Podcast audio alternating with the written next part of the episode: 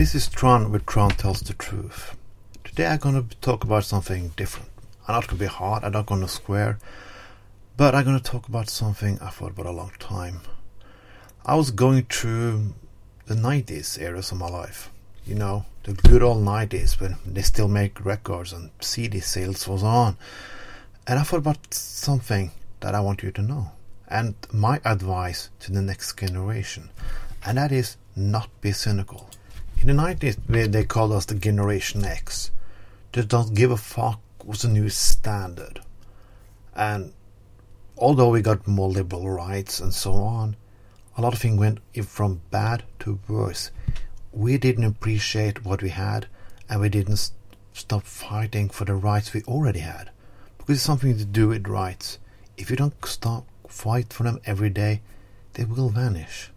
And that can happen in more and more states in the United States now, the right to women to take an abortion is going back. Yes, that means if we have a new president, Republican one, the rights to abortion can be shut even worse down than it is today. We thought maybe just uh, with a Democratic president in the 90s, things going to get better than the trickle down economic presidents of the 80s.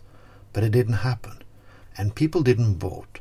The Congress went to the Republicans, the Senate went to the Republicans, and people just, nah, we don't need to vote to do anything. We just don't give a fuck. That's cool. Be cynical. But people, never be cynical. Don't stop engaging in important issues. Because things you have, if you don't have, if you don't fight for them, you can lose them every day. Being cynical is not that fun anyway being an asshole is not that fun. Every time I watch TV, I cannot stand it because asshole TV has been the new norm. Who can get on to be on the next asshole TV show? Assholes like Gene Simmons is like people you look up to. Kanye West with his big fucking ego has something like, yeah, that's that's good, that's great. By all, but ordinary people who fight for something, believe in something, not that exciting doesn't sound like exciting, but it's important, is boring. But people, it's not. So don't be cynical. Fight for something. You don't have to be a member of a political party or a organization.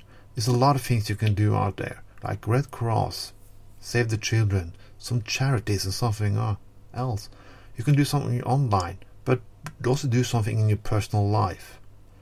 Do it. Not let our freedoms disappear don't be cynical. This was Trond, but Trond tells the truth.